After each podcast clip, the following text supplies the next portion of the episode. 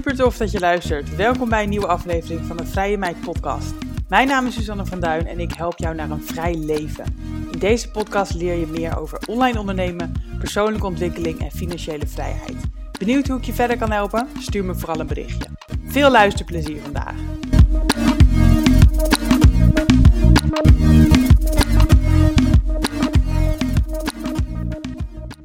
Ja, ik zat er al een tijdje tegenaan te hikken. Maar afgelopen week was het dan zover. 100.000 euro omzet is al binnen voor dit jaar. En ik ben daar heel erg trots op. Want dit is eigenlijk het eerste jaar dat ik dat volledig draai met mijn eigen bedrijf Vrij Meid. En nu denk je misschien, huh, je hebt toch al een paar jaar 100.000 euro omzet? En dat klopt ook. Alleen ik had in 2021 en ook een deel van 2022 had ik nog mijn vorige PR-bureau Snapper. Snapper is vorig jaar um, januari, nee sorry, ik denk februari, maart verkocht. Dus een klein deel ehm, van de omzet vorig jaar kwam nog uit Snapper. En januari, sorry, 2021 kwam een best wel aanzienlijk deel van de omzet nog uit Snapper. Ik denk 50-50 of zo. Uh, maar dit jaar is dus het eerste jaar dat ik die 100.000 euro omzet puur aantik met mijn eigen bedrijf Vrije Meid. En dat niet alleen, um, ook nog eens in 3,5 werkdag per week. En daar ben ik heel erg trots op, want um, ja, ik had vroeger nooit gedacht dat je zoveel omzet kon draaien uh, zonder fulltime te werken. En in deze podcast wil ik je meenemen naar waar die 100.000 euro omzet van mij nu uh, uit bestaat de afgelopen 10 maanden. Dus welke verdienmodellen hebben het meeste opgeleverd. En uiteraard wil ik ook transparant met je zijn over de kosten die ik heb gemaakt. Waar gingen de meeste kosten naartoe? En welke winst hou ik dus over van die um, ehm, 100.000 euro omzet die ik tot nu toe heb gedraaid? Nou, ik pak even mijn um, Moneybird administratie erbij. Daarin heb ik het hele overzicht van, um, van mijn omzet en kosten. En als ik nu ehm, kijk naar uh, nou ja, de inkomsten dus, dus waar komt die 100.000 euro vandaan? Dan komt het grootste, het overgrote deel, zeg maar 80%, komt uit coaching. En het is wel grappig dat het 80% is, want ik um, hou heel erg van de 80-20 regel. Dat is um, nou ja, een soort principe dat je eigenlijk vaak 80% van je inkomsten verdient met bijvoorbeeld 20% van jouw verdienmodellen. Of 80% van de output komt door 20% van de input. Um, dus in mijn geval ook, weet je, um, ehm, 80% van mijn omzet komt dus uit mijn coaching. Terwijl mijn coaching is slechts één van de verdienmodellen die ik heb. Hè? Laten we zeggen 20% van de verdienmodellen die ik heb. Dus um, ja, dat is grappig dat het hier ook weer opgaat. Uh, en als je dus ook um, je omzet wil laten groeien, dan zou ik ook altijd kijken naar de, um, nou ja, de belangrijkste inkomstenbronnen zeg maar, voor jou en daaraan gaan sleutelen. En niet gaan sleutelen aan bijvoorbeeld iets wat maar 20% oplevert, want dat zijn ja, de kruimels eigenlijk. Dus als ik volgend jaar mijn inkomen zou willen verdubbelen, dan zou het veel logischer zijn om te kijken naar dat coachingverhaal. En kijken hoe ik dat eigenlijk kan laten groeien, hoe ik dat misschien kan gaan opschalen. En niet kijken naar bijvoorbeeld, uh, ik zeg maar wat, uh, spreekklussen, hoe ik daarmee naar de 2 ton kan. Want spreekklussen heb ik dit jaar nog geen 1000 euro aan verdiend tot nu toe. Uh, extern zeg maar, niet mijn eigen events. Dus um, ja, dat is dan echt zo'n kruimeltje dat het niet handig is om daar echt heel veel moeite voor te gaan doen om dat te laten groeien. Maar goed, dus het grootste deel kwam duidelijk binnen met coaching. 80.000 euro ongeveer. Um, ik heb een um, een één op één traject gehad, uh, eigenlijk nou ja, tot en met september, waarin ik uh, klanten dus één op één begeleide. Een traject van vier maanden. Dat was in het begin van het jaar volgens mij 4250 euro. En ik heb dat begin van het jaar verhoogd naar 5000 euro. Um, dus ja, dat zijn zeg maar uh, eh, 16 klanten ongeveer. Maar ik heb vanaf september heb ik dit aanbod omgegooid. En ben ik eigenlijk vooral mijn Tonnennemers Tribe gaan promoten. Dus dat is een uh, groepsprogramma waarin ik uh, ondernemers help om naar de 100.000 euro per jaar te groeien. En dat is um, uh, nou ja, een groepsprogramma, dus dat is niet meer één op één. Ik heb nog wel een 1 op 1 traject. Um, daarvan heb ik de, de, prijs flink verhoogd, omdat ik daar vooral hele ervaren ondernemers mee wil gaan helpen. Daar heb ik nog geen trajecten van verkocht. Dus die 80.000 euro is echt verdiend met de 1 op 1 trajecten van 5.000 euro en de nieuwe ondernemers Tribe trajecten van 4.000 euro. En die prijs die gaat volgend jaar omhoog. Dit was de eerste keer namelijk dat ik het lanceerde. En dat is, uh, nou ja, dat is goed gegaan. Dus volgend jaar, vanaf het voorjaar denk ik, wil ik een tweede groep starten. En dan wil ik de prijs uh, verhogen. Als ik dan kijk naar het verdienmodel wat daarna het belangrijkste is voor mij, dat is uh, mijn eigen events.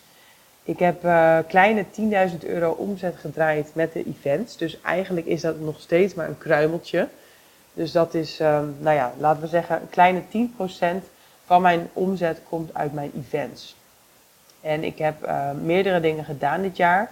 Ik heb, um, nou ja, 5 oktober had ik een event, de, um, het event Vrij Ondernemen heette dat. Dat organiseerde ik samen met drie anderen. Maar de administratie liep via mij, dus vandaar dat, dat ook de omzet helemaal voor mij uh, is gerekend.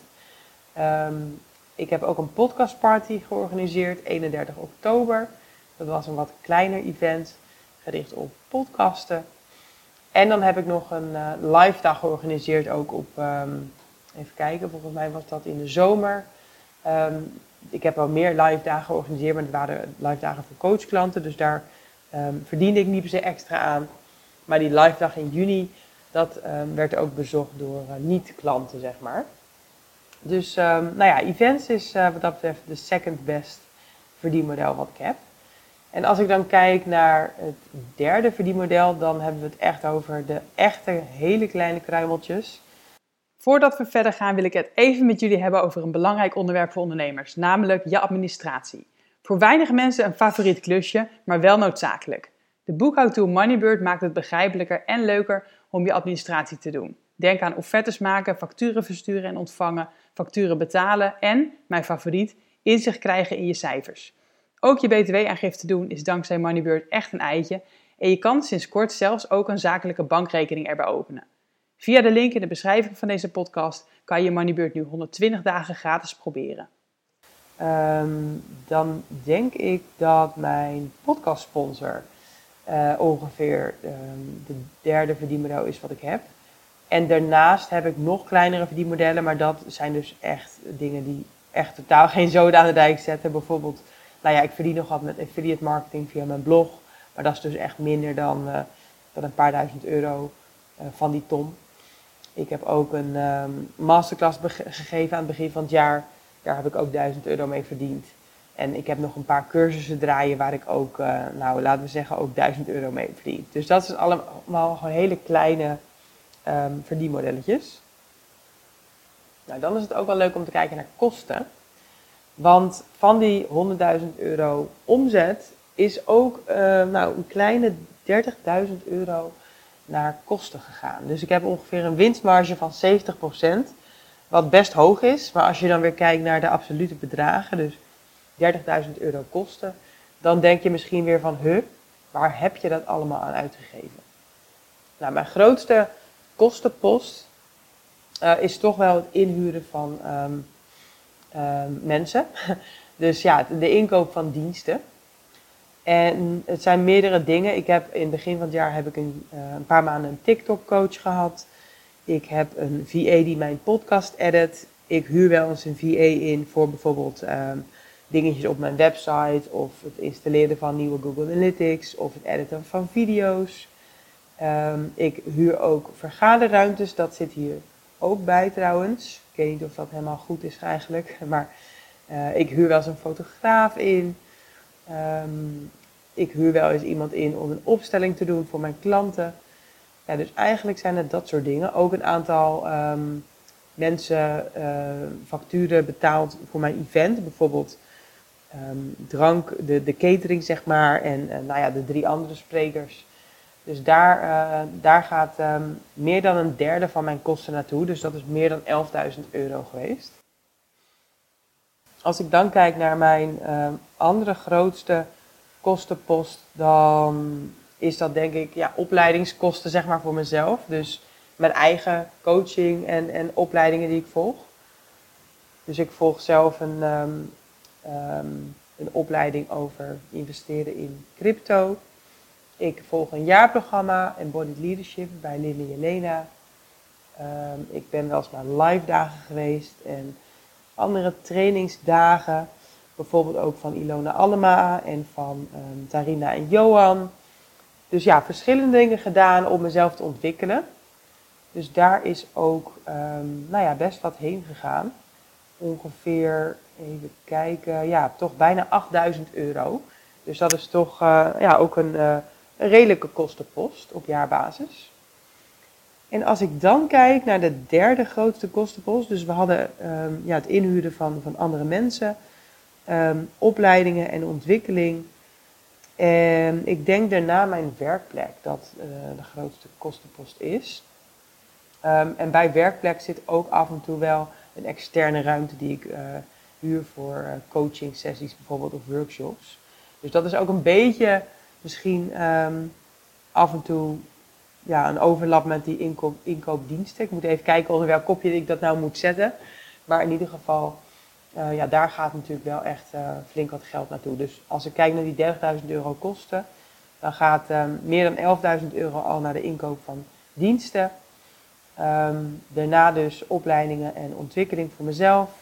En ook inderdaad het huren van uh, nou ja, een werkplek, maar ook soms een andere ruimte bijvoorbeeld. Dat zijn toch verderweg wel mijn mijn grootste uh, kostenposten. Daarna, even kijken waar het dan op neerkomt. Ja, daarna eigenlijk tools, denk ik, dat het op, nummer 4 staat. Dus dan heb je het over Server, Moneybird, Mailblue, Google, um, Google Cloud, zeg maar, Huddle. Nou ja, al dat soort tools eigenlijk die ik gebruik ook om mijn online business te runnen.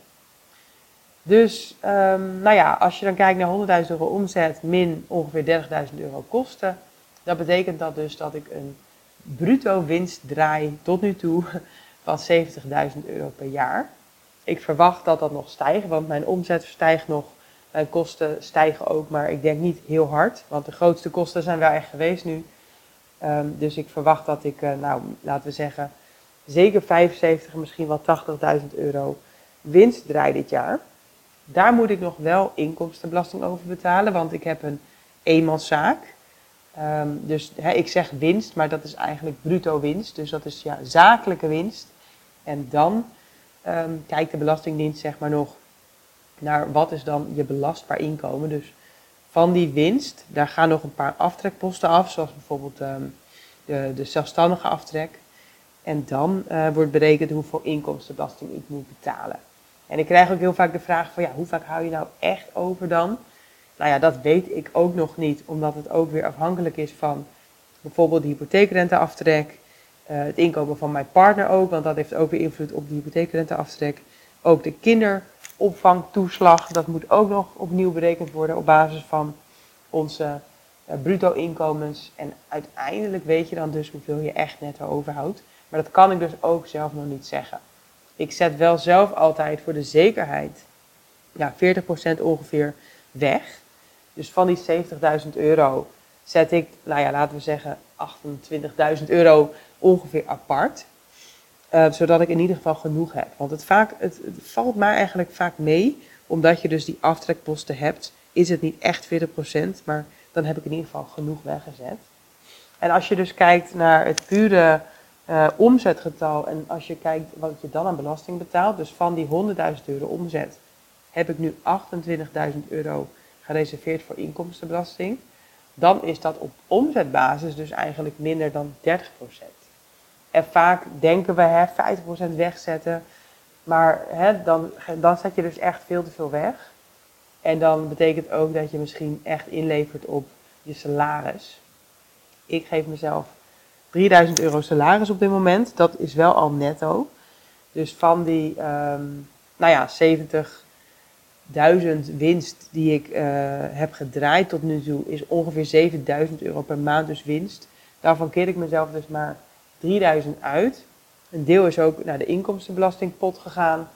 En dan heb ik ook nog uh, een deel over als je goed rekent. En dat is een soort van buffer. En dat, uh, ja, dat probeer ik ook achter de hand te hebben voor als ik bijvoorbeeld ja, wat minder verdien een tijdje, dat ik mezelf ook nog salaris kan uitkeren. Je weet het natuurlijk nooit als ZZP'er. Ik krijg ook wel eens de vraag van hoeveel zet je dan weg voor pensioen en heb je ook een arbeidsongeschiktheidsverzekering? Ja, ik zet ook weg voor pensioen. Ik beleg ook zelf, dat is ook een beetje mijn pensioen. Maar dat doe ik vanaf mijn privérekening. Dus dat gaat eigenlijk van mijn salaris af. Dus dat salaris stort ik op mijn privérekening. En dan uh, wordt het daar eigenlijk weer verdeeld over verschillende potjes. Waarvoor uh, onder andere dus een pensioenpot, um, die ik ook automatisch beleg elke maand. Dus zo ziet het er bij mij uit. Um, ik hoop dat dit duidelijk is. Um, ik hoop ook dat het inzicht geeft en dat je niet ontmoedigd raakt hierdoor, maar dat je juist denkt van, oh ja, het kan. Je kan een goede omzet draaien in slechts 3,5 werkdag per week. En uh, mijn winst is ook redelijk hoog, denk ik. Ik bedoel, ja, het kan altijd beter, maar tegelijkertijd vind ik het ook niet erg om kosten te maken. Ik streef niet per se naar zo min mogelijk kosten te maken, omdat die winst dan hoger is. Want kosten geven je soms ook gewoon vrijheid. Ik besteed ook het een en ander uit, omdat dat mij gewoon heel veel tijd bespaart. Dus dat is me alles waard. Nou, een korte podcast vandaag. Maar ik hoop uh, dat je het leuk vond. En als je vragen hebt over mijn cijfers, ik ben dus heel erg transparant. dus um, ja, je mag me altijd een DM sturen of een mailtje, info.vrijmeid.nl, als je een vraag hebt hierover. En dan, um, ja, dan beantwoord ik die heel graag. Dus um, nou ja, mocht je zelf ook het leuk vinden om wat meer naar je cijfers te kijken, uh, dan kan ik dus het boekhoudprogramma Moneybird aanraden. Ik heb een linkje in de show notes, dan kan je het gratis proberen. en ik heb zelf dus ook een cijfersheet waar ik um, maandelijks ook mijn businesscijfers bijhoud. Dus mocht je het leuk vinden om überhaupt meer met cijfers te doen en meer te kijken naar wat gaat goed, uh, wat gaat niet goed, uh, hoe gaat het met alle statistieken, dan kan je die gratis downloaden via de link in mijn beschrijving. En dan nog een laatste vraag aan jou. Mocht je het leuk vinden om een 5 sterren review achter te laten op Spotify, dan zou ik dat heel erg waarderen. Want het helpt mij ook weer om mijn podcast beter gevonden te laten worden. En om natuurlijk meer mensen te helpen met vrijheid, met meer verdienen, met um, nou ja, een vrij leven creëren. Dus dank je wel alvast.